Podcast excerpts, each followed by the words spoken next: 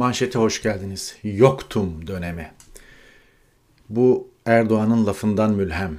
Ben Erdoğan'ın her lafını, her düşüncesini kritik eden ve artık bu böyle yapılmalı falan e, diye biri diyen biri değilim biliyorsunuz. Çünkü er-, Erdoğan e, zihni, akli, muhakeme yeteneğini yitirmiş.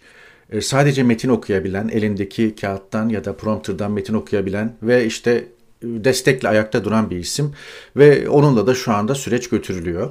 E, bu Kemal Kılıçdaroğlu'nun ifadelerinde de var. Bunlar e, sağlam bilgi, kulis alabilecek siyasi liderler. O açıdan o laflara da itibar etmek gerekir. Fakat Erdoğan en son benim e, biz rezervleri şuraya kadar getirdik. Benim başbakanlığım döneminde şey benim cumhurbaşkanlığım başbakanlığım döneminde rezervleri buraya kadar getirdik. Benim cumhurbaşkanlığım döneminde bu düştü dedi ve dolayısıyla ihaleyi dönemin başbakanlarına e, ihale etti, verdi.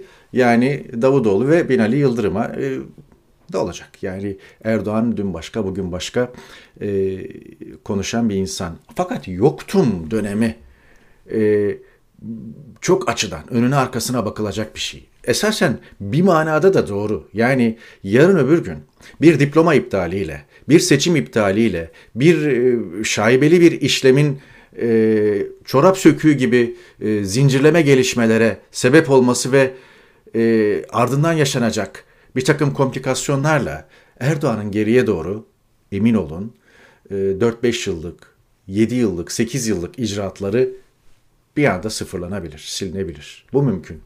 Diplomayı ortadan kaldırdığınızda Cumhurbaşkanlığı dönemi düşer. Bir seçimde şaibeyi ortaya koyduğunuzda o seçim veya referandum sonuçları ile ilgili konular düşer vesaire. Ben konuşurken bu yayını yaptığım dakikalarda dolar 17.76, pound 23.60, euro 20.07. Bu rakamlar değişebilir sizin yayını takip ettiğiniz dakikalarda. Fakat görülen şey şu. Pound 24 TL olmak üzere benim yaşadığım ülke İngiltere'de. Yani ben benim cebimdeki 100 pound artık 2400 TL olacak. Düşünebiliyor musunuz yani uçurumu? Ve euro 20 lirayı geçti. Artık Avrupa çok anlamda hayal e, Türkiye'de yaşayanlar için. E, sadece turist işte gidelim iki fotoğraf çektirelim, üç gece otelde kalalım, Paris, Londra gezelim manasına değil. Yani eğitim maksadıyla, iş maksadıyla pek çok anlamda da e, çok zor. Ve e, TL dolar karşısında ki en yakından takip edilen bu erimesini sürdürdü ve en son şu anda 17.76'dan işlem görüyor. Ben yayını yaptığım dakikalarda. Bu şu demek. Bu 12 Kasım'da size 12 Kasım'a götüreceğim. Yani tam 38 gün öncesine 12 Kasım'da 38 gün önce dolar ilk defa 10 TL'yi aştı. Ve büyük olaydı hatırlayın. Ne kadar geçti? 38 gün. Şu anda ne kadar dolar? 17.76. Hiç elinize hesap makinesi almanıza, kağıt kalem almanıza gerek yok. 38 günde dolar 10 liradan 17.76'ya çıktı. Yani %77 %77 Türk lirası değer kaybetti. Doların 38 günlük seyri %77. Hiç böyle 3 aylık, 6 aylık, 1 yıllık, 2020, 2021 falan projeksiyonu yapmaya gerek yok. 38 günde 10 TL'den 17.76'ya çıkan dolar %77 değer kazanmıştır TL karşısında. Bu hemen her anlamda aşağı doğru fakirleşme demek, enflasyonun artması demek, bütün ürün ve hizmetlere bu konunun e, yansıması demek. Bunlara bakacağım ama ondan önce gerçekten Avrupa'nın yaka paça olduğu bir omikron belası var efendim. Bunu Daily Mail e, gazetesinden kestim. E, İngiltere'nin e, salgınla yakapaçı olmasını, nasıl yakapaçı olduğunu anlatıyor ama e, bu grafikler e, hangi ülkede olursanız olun bizi seyreden açısı, seyredenler açısından önemli. Vaka sayısı itibariyle soldaki grafik 2021'e 2021'de e, muazzam bir rekor kırılmış. Mavi grafik. 2020'de vaka sayısı daha azmış. Ancak ona rağmen bu e, hastanede entübe edilenlerin yani yoğun bakımda tedavi görenlerin miktarı buna rağmen yani vaka sayısı katlanmasına rağmen 2020'de hastanelik olanların sayısı çok yüksek, 2021'de gittikçe düşüyor. Ölümlere baktığınızda da aynı şekilde 2020'de kırmızı ölümler çok yüksek, 2021'de gittikçe düşüyor. Cumartesi günü İngiltere'de bir rekor kırılmış ve 986.689 kişi aşı olmuş. Bunların mühim bir bölümü de 3. doz aşı, booster deniyor. Takviye aşı diyebiliriz biz. Doğrusu da o zaten. Çünkü artık aşıları saymayı bırakacaksınız 3, 4, 5 diye. Takviye aşının oldun mu olmadın mı? Muhtemelen her sene bir aşı olunacak. Deniyor ki ya işte bana da çok sayıda mesaj geliyor, yorum geliyor, mail geliyor. Aşı işte Covid'i önlemiyor ya da hani grip aşısı gibi aşı olduktan sonra gene Covid bulaşıyor. Doğru. Fakat istatistikler ve bizim bütün ülke verilerine bakarak e, rakamlara baktığımızda ki bunlar güvenilir, denetlenen rakamlar. Vaka sayısının arttığını ki İngiltere'de 98 bini geçti. Yani yılın aynı döneminde geçen sene bunun üçte biri vaka vardı. Ama üç katı insan ölüyordu. En son rakamlara baktığımda 80 küsür binlerde vaka sayısı 45-50 civarında ölüm sayısı. Hastanede entübe edilen, yoğun bakıma kaldırılan hasta sayısı ise binin altında.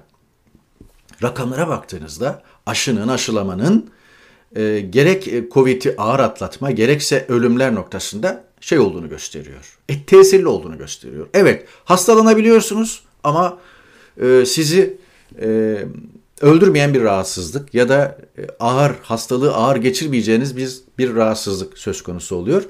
BBC Türkçe'de detaylarına bakabilirsiniz. 3 gün önce çıkmış bir haber. İngiltere'de bir yoğun bakım hemşiresinin yoğun bakımda solunum cihazındaki Covid hastalarının %80'inin aşı olmayanlar olduğunu söylediği. İngiltere'de bir istatistik yayınlanmıyor. Sadece bir yoğun bakım hemşiresinin ifadesine bakarak e, bu hükmü verebiliyoruz ama genel veriler basının yaptığı araştırmalarda yoğun bakımdaki hastaların mühim bir oranının e, aşısız oldukları, ölümlerin de aynı şekilde. Yani aşılanmış insanların yok denecek kadar az öldüğü e, raporlanıyor. Bunu da söyleyelim. Bir diğer vaka ki e, dolar, faiz, ekonomik konularına geçmeden hafta sonunun gündemiydi. Daha doğrusu pazar gününün gündemiydi. Gaziantep'te gerçekleşen bir canlı yayında e, Habertürk'ün e, daha doğrusu Ciner grubunun Ankara temsilcisi Gaziantep Belediye Başkanı Fatma Şahin de gerçekleştirdiği yayında e, bir ses teknisyeni olduğu söyleniyor veya kameraman olduğu söyleniyor. E, meslektaşımızı e, ittiriyor veya tokat atıyor. E, mikrofonunu veya işte merkezde iletişimini kurmaya sağ, kurmayı sağlayan kulaklığı falan düzeltmeye çalışırken hadise şu. Ondan dolayı da Muharrem Sarıkaya istifa etmiş. Hadise şu. E, bu Habertürk'te e, iki gün önce yayınlanan, üç gün önce yayınlanan, ayın 17'sinde yayınlanan, ben yayına da baktım. Yaklaşık bir saatlik bir tamamen reklam, belediye tanıtımı. Bu reklam ve belediye tanıtımı nerede oluyor? Gaziantep'te oluyor. E, canlı yayın aracı İHA'dan, İhlas Haber Ajansı'ndan temin ediliyor. Ve muhtemelen e, ki öyle e, e Gaziantep Belediyesi canlı yayın e, ücretini karşılıyor. Habertürk'te e, bu şeyi e, yayını mutlaka bir menfaat karşılığında yapıyor. Çünkü yayın baştan sona e, Ciner grubunun Ankara temsilcisinin de içinde olduğu bu yayın baştan sona bir belediye tanıtımı. E, hizmetlerini anlatmak için zaten hazırlanmış grafikler, görüntüler eşliğinde Fatma Şahin konuştukça konuşuyor.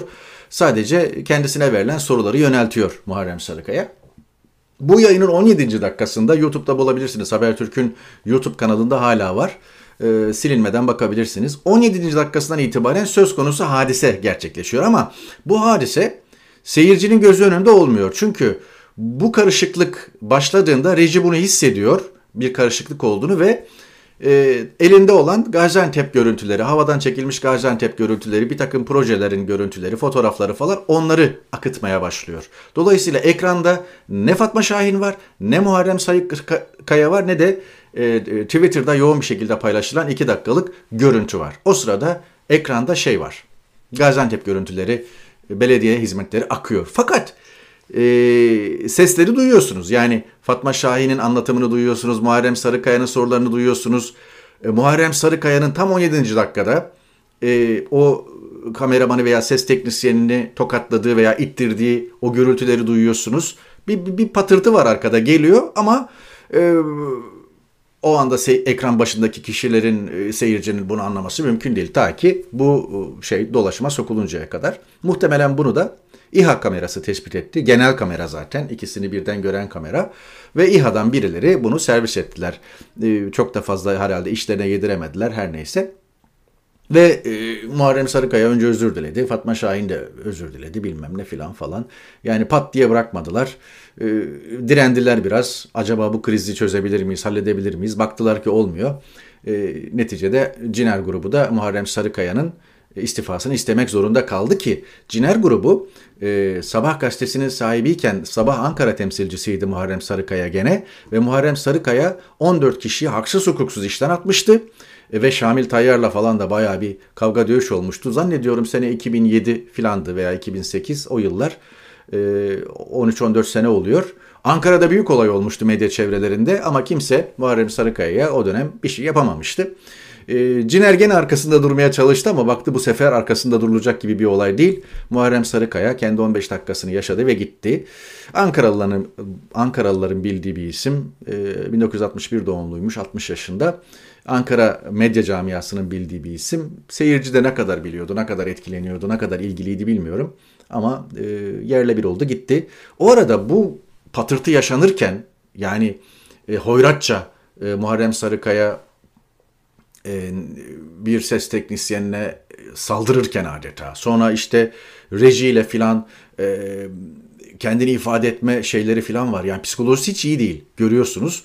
E, ortalık birbirine girmiş durumda. Gürültüler, patırtılar ve Fatma Şahin karşısındaki gazeteciye konuşuyor güya ama karşısındaki isim 2-2,5 dakika boyunca bir panik halinde bir şeyleri halletmeye çalışıyor.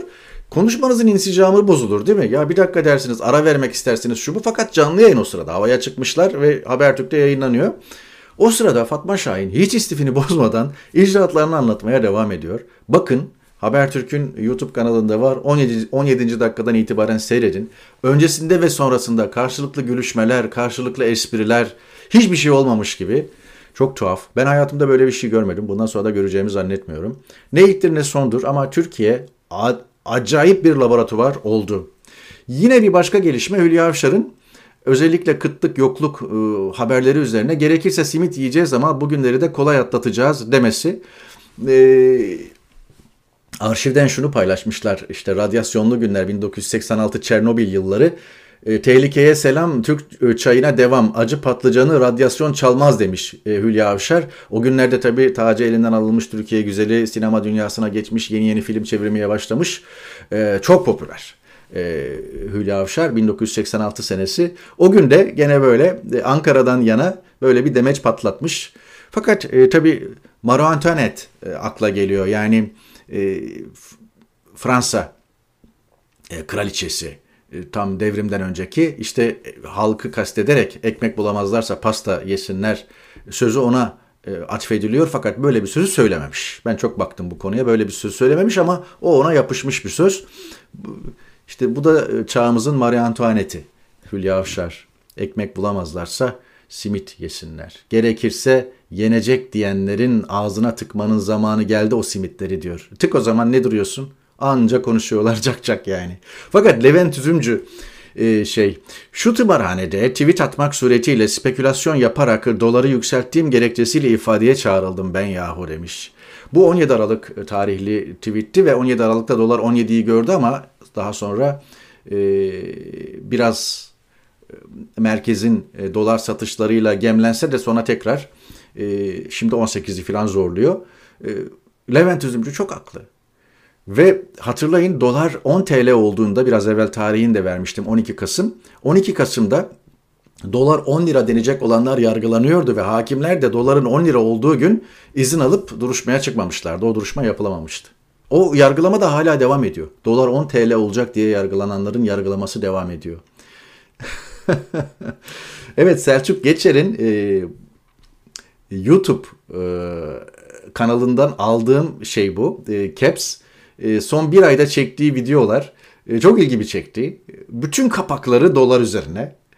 E, o çok ilgimi çekti. Durum bu. Yani ekonomistler artık bu şekilde kapaklarla yürüyorlar ve her bir videoda çok izleniyor. Yani gerçekten Özellikle son günlerde 100 bin, 150 bin e, mesela 14 saat önce çektiği video 173 bin, dün çektiği video 246 bin izlenmiş filan. Ekonomistlerin de tek gündemi bu. Onun için ben dolar konusunda hakem kesmeyeceğim. Yarım milyondan çok abonesi olan Selçuk Geçer her gün dolarlı bir kapakla bu işi götürüyor. Sadece şeye dikkat çekeceğim. Yani işin siyasi tarafında kalmaya özen gösteriyorum. E, TÜSİAD genel kabul görmüş iktisat bilimi kurallarına hızla dönülmeli diyerek yani bir türlü lafı da diyemiyor. Ya ya arkadaş işte efendim e, faiz sebep enflasyon sonuçtur şeyinden vazgeç. Dünyada böyle bir teori yok. Böyle bir tez antitez yok. Kimse de bununla ilgili bugüne kadar bir şey yapmamış. Sen de şimdi e, suyun yönünü tersine çevirmeye çalışıyorsun. Olmaz olmayacak falan demiyor da işte genel kabul görmüş iktisat bilimi kurallarına göre hızla dönülmeli filan filan cak cak cak cak cak cak. Yani bir, bir şey diyecek diyemiyor. Ama tak diye çakıyor işte yukarıdaki. Ey TÜSİAD bizimle baş edemezsin. Evet. Sizin cinsinizi de cibilliyetinizi de iyi biliyorum. Sizin derdiniz başka. Bu millet bu fırsatı size vermeyecek. Kalkıp hükümete saldırmanın farklı versiyonlarını aramayın. Ya sen öyle yarım ağızla bir şeyi iktisadın temel kuralları falan filan diye söylemeye çalışıyorsun ama tepedeki direkt böyle çakıyor sana. Onun için daha cesur olacaksın. Madem madem bir şey yapıyorsun değsin yani. Madem böyle bir hışma uğrayacaksın Açtığında ağzını bir şey yani söyle kardeşim yani ne bu? İktisat kurum bilimi kurallarına hızla dönülmeli filan. Tepedeki bundan anlıyor.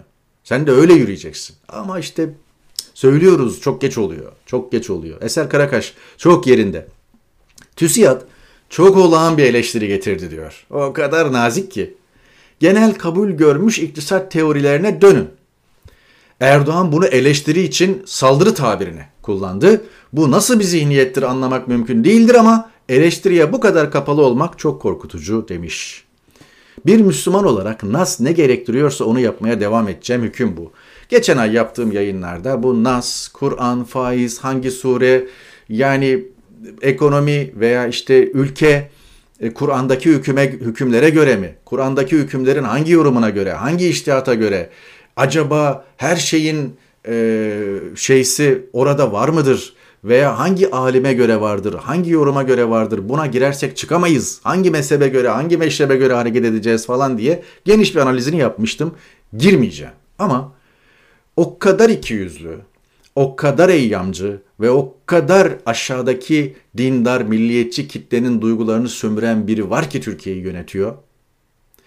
Kimse de çıkıp ya kardeşim kumar da haram kapat milli piyangoyu Demirörenler'de demiyor. Ya kardeşim madem faiz haram gecikme faizlerini kaldır iptal et demiyor. Ya kardeşim madem e, e, dolarla mücadele ediyorsun, dış güçlerle mücadele ediyorsun, şu müşteri garantili, geçiş garantili köprü, otoyol, tüp geçit, havalimanı, hastane onlar da dolardan TL'ye dönsene demiyor. Ya işte senin elinde enerji, akaryakıt, elektrik neyse fiyatlarına doğalgaz yapılan zamları en azından kış boyunca dondur demiyor. Yaza kadar dondur demiyor. Borcunu ödeyemediği için kimsenin elektriğini, gazını kesme demiyor. Acayip yani. Dolaşıma girmiş. Karl Marx'ın İngiltere'de yazdığı da bir ara denk gelirse anlatırım. Çok araştırdım, baktım. Geçtiği bulunduğu yerlere de gittim. Manchester'da Engels'le beraber dönemin sanayileşmesini, oradaki endüstrileşmeyi, fabrikalar işte fabrikaları, oradaki işçileri falan yerinde inceleyip kaleme aldığı Das Kapital Almanca yazmış. Ee, ve 29 yaşında geldiği İngiltere'de 60 e, yaşında yanılmıyorsam e, vefat ediyor Karl Marx. Vefat etmeden az önce de Das Kapital'i yayınlıyor. Sonraki ikinci kitap, üçüncü kitap Engels tarafından çıkarılıyor. Bir ara Das Kapital e, veya Karl Marx'ın İngiltere yaşamına dair bir video çekersem çok detaylı anlatırım. Sadece şunu söyleyeceğim. Güzel bir kapak. E, das Kapital'i Nas Kapital yapmışlar Recep Tayyip Erdoğan. Bir de böyle Rabia işareti. Evet dolar 4 Rabia'yı geçti. Yani 16'yı geçti. e, hafta sonu cuma cumartesi o iş bitti. Başbakanlığım döneminde işte yoktum döneminin e, KCS atmamın nedeni bu.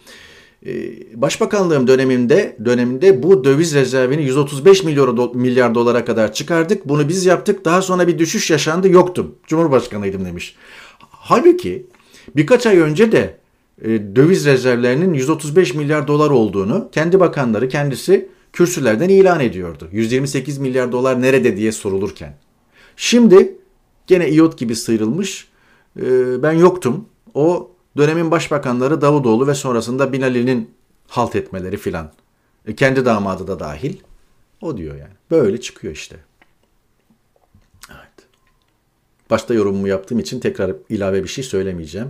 Ama seviyeye bakın. Anırsalar da anırmasalar da elhamdülillah doğru yoldayız. Anırsalar da anırmasalar da sonra da elhamdülillah diye bitiriyor. Yani akli ve fikri e, zihni melekeleri yerinde değil derken gerçekten ezbere söylemiyorum. Birazdan Babacan'a bakarız. Kılıçdaroğlu ne demiş? Kılıçdaroğlu e, Gültekin Uysal, Uysal'la görüşüyor. Demokrat Parti Genel Başkanı.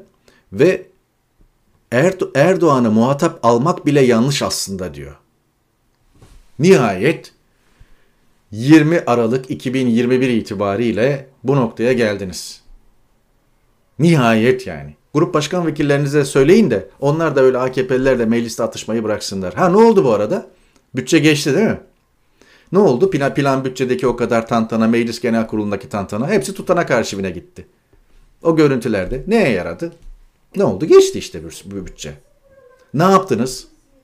E biz orada müdafaa ettik. E ne oldu? Her sene müdafaa ediyorsunuz. Halkı müdafaa ettik. İşte e, bütçe konusunda eleştirilerimizi her sene dile getiriyorsunuz. Bugün 2021, 2020'de de yaptınız. 19'da, 18'de, 17'de, 16'da, 15'te, 14'te, 13'te ne oldu? Geçti her defasında bütçe. Hatırlayan var mı? Geçen seneki, ondan önceki seneki, ondan önceki seneki mücadelelerinizi komisyonda, genel kurulda. Zero. Yok. Diyor ki Kemal Kılıçdaroğlu, Erdoğan'ı muhatap almak bile yanlış aslında. Akli melekeleri yerinde mi? Onda da ciddi endişelerim var. Bir insan ülkesine bu kadar ihanet içinde olmaz. Evet. Ülkeye hizmet gibi bir derdi olmadığı için öyle ihanet mihanet gibi konularla da şeysi yok. Şu anda gerçekten e, olan biten şeyle zenginleşme e, şeyindeler, derdindeler ve her hamleyle biraz daha zenginleşiyorlar. Hazine Maliye'nin başındaki Nurettin Nebati'nin kardeşi faizin bir puan düşeceğini biliyor. Bir gün önce Bloomberg TV'ye verdiği röportajda bunu da hiç sıkılmadan ifade ediyor. Hiç gayet rahat, hiçbir şey yokmuş gibi. Bunun suç olduğunu bilmeden veya suç olduğunu bilse bile başına bir şey geleceğini düşünmeden birileri topluyor. Sonra da diyorlar ki aynı gemideyiz hep beraber batacağız. Vatandaş o gemide gemi, gemiyle beraber batacak ama birileri filikalarına binip çıkmış olacak. Durum bu. Hep beraber batılacak falan değil. Acı ama gerçek. Babacan demiş ki 2015 benim konuşmama kararımı, kararı aldığım dönemler. Şimdi diyorum ki keşke konuşmama kararımı bozsaydım. Sistem değişikliği yanlış bir iş felakete götürecek deseydim. Ah canım. 2015 de olmadı sistem değişikliği. 2017'de oldu ve siz de gene sistem değişikliğine bir şey demediniz. 2018 Haziran ayına kadar AKP milletvekilliğinizde AKP sıralarında devam etti. 2018 Haziran ayından sonra hafif hafif konuşmaya başladınız. Sonra da işte partileştiniz falan. Ama asıl büyük e, şey e, Perinçek'in Aydınlık Gazetesi'nden gelmiş ki Perinçek ilk kez ateş ediyor böyle. E, ve diyor ki Perinçek'in İsmet Özçelik Aydınlık'ta her gün gazete, yazıda yazısı birinci sayfadan anonslanan başyazar olabilir. İsmet Özçelik diyor ki dövizde balon çok şişti. Devamla ekonomi iyiye gitmiyor. Bugünkü yazı. Ekonomi iyiye gitmiyor. İktidar ne yapacağını bilmez halde. Ekonomi yönetimi şaşkın. Açıklanan politikaların altı doldurulmayınca işler iyice karıştı. Karar almada yaşanan gecikmenin faturası kabarıyor zaman iktidarın aleyhine işliyor. Yani Karar Gazetesi yazarı gibi yazmış. Kararla ilgili düşüncelerimi de takip edenler bilirler. Ama yani Bu yazıyla karara transfer olabilir İsmet Özçelik. Fakat Perinçek'ten ilk ateş gazetesinde birinci sayfadan büyük biçimde anonslanan bir yazıyla gelmesi açısından da önemli. Bunu da kayda geçirmek icap ediyor. Uğur Gürses, e, Cuma günkü 2,5 milyar dolarlık satışla Aralık başından bu yana eritilen rezerv 10 milyar dolara ulaşmış. Yoktum dönemi demiş işte hashtagle. Ben yoktum diyor ya. Varsın ulen yani varsın. Aralık başından beri 10 milyar dolar olmayan parayı yaktılar. Dünya Gazetesi'nden bir haber. Otoda kur fırtınası 300 bin TL'nin altında tek model kalmış efendim. O da ne biliyor musunuz? Baktım sizin için. Fiat Egea sedan manuel vitesli baz versiyonu. 300 bin. O da yani kısa sürede bu modelde e, vergi avantajını kaybederek 300 bin TL'yi geçebilir deniyor. 300 bin TL'nin altında araba yok. Yani muhtemelen bu Fiat Egea'da 1 Ocak'tan itibaren 300 bin TL'nin altında alınamayacak. Sözcü gazetesinden kestim getirdim. Çok önemli. Ben manşet yapardım bunu yani önüme böyle bir veri gelseydi. Yem fiyatı yüzünden hayvanlar kesime gitti. Yaza et ve süt olmaz. Et yetiştiricileri zorda artan, artan maliyet nedeniyle hepsi hayvanını kesime gönderiyor. Önlem alınmazsa yazın et ve sütte kıtlık yaşanacak. Yem bulamadıkları için hayvanlarını kesiyorlar. Ve kesilen hayvanlarla belki birkaç ay gidecek olay ama ondan sonra paranızla da et bulamayacaksınız. İbrahim Öztürk bu stok meselesine ne kadar yani stokçularla işte ne bileyim market fiyatlarıyla savaşılmasının falan nasıl böyle e, hedef e, saptırmak olduğunu anlattım önceki yayınlarda. Kendisiyle paylaşılan bir mesajı paylaşmış. Hocam ben küçük bir tuhafiye dükkanım var. Bari ocağa kadar dükkanımı açmak istemiyorum. Çünkü sattıkça batıyorum. Yerine ürün koyamıyorum, eridim. Her satışım bir yağma gibi oldu. Ne yapayım diye soruyor Profesör Doktor İbrahim Öztürk'e. Kronos'tan getirelim. Benzine 30 63, motorine 55 kuruş zam geliyor. Bugün de geliyor. Yani belli ki bu gecede akaryakıt istasyonlarında kuyruk olacak. Şununla bitirelim. Brent Kurucu paylaşmış. Emniyet Genel Müdürlüğü FETÖ listesini güncellemiş. Vefat edenlerin listede olması bir yana bu adamın patronu geçen hafta sarayda Erdoğan tarafından kapıda karşılandı.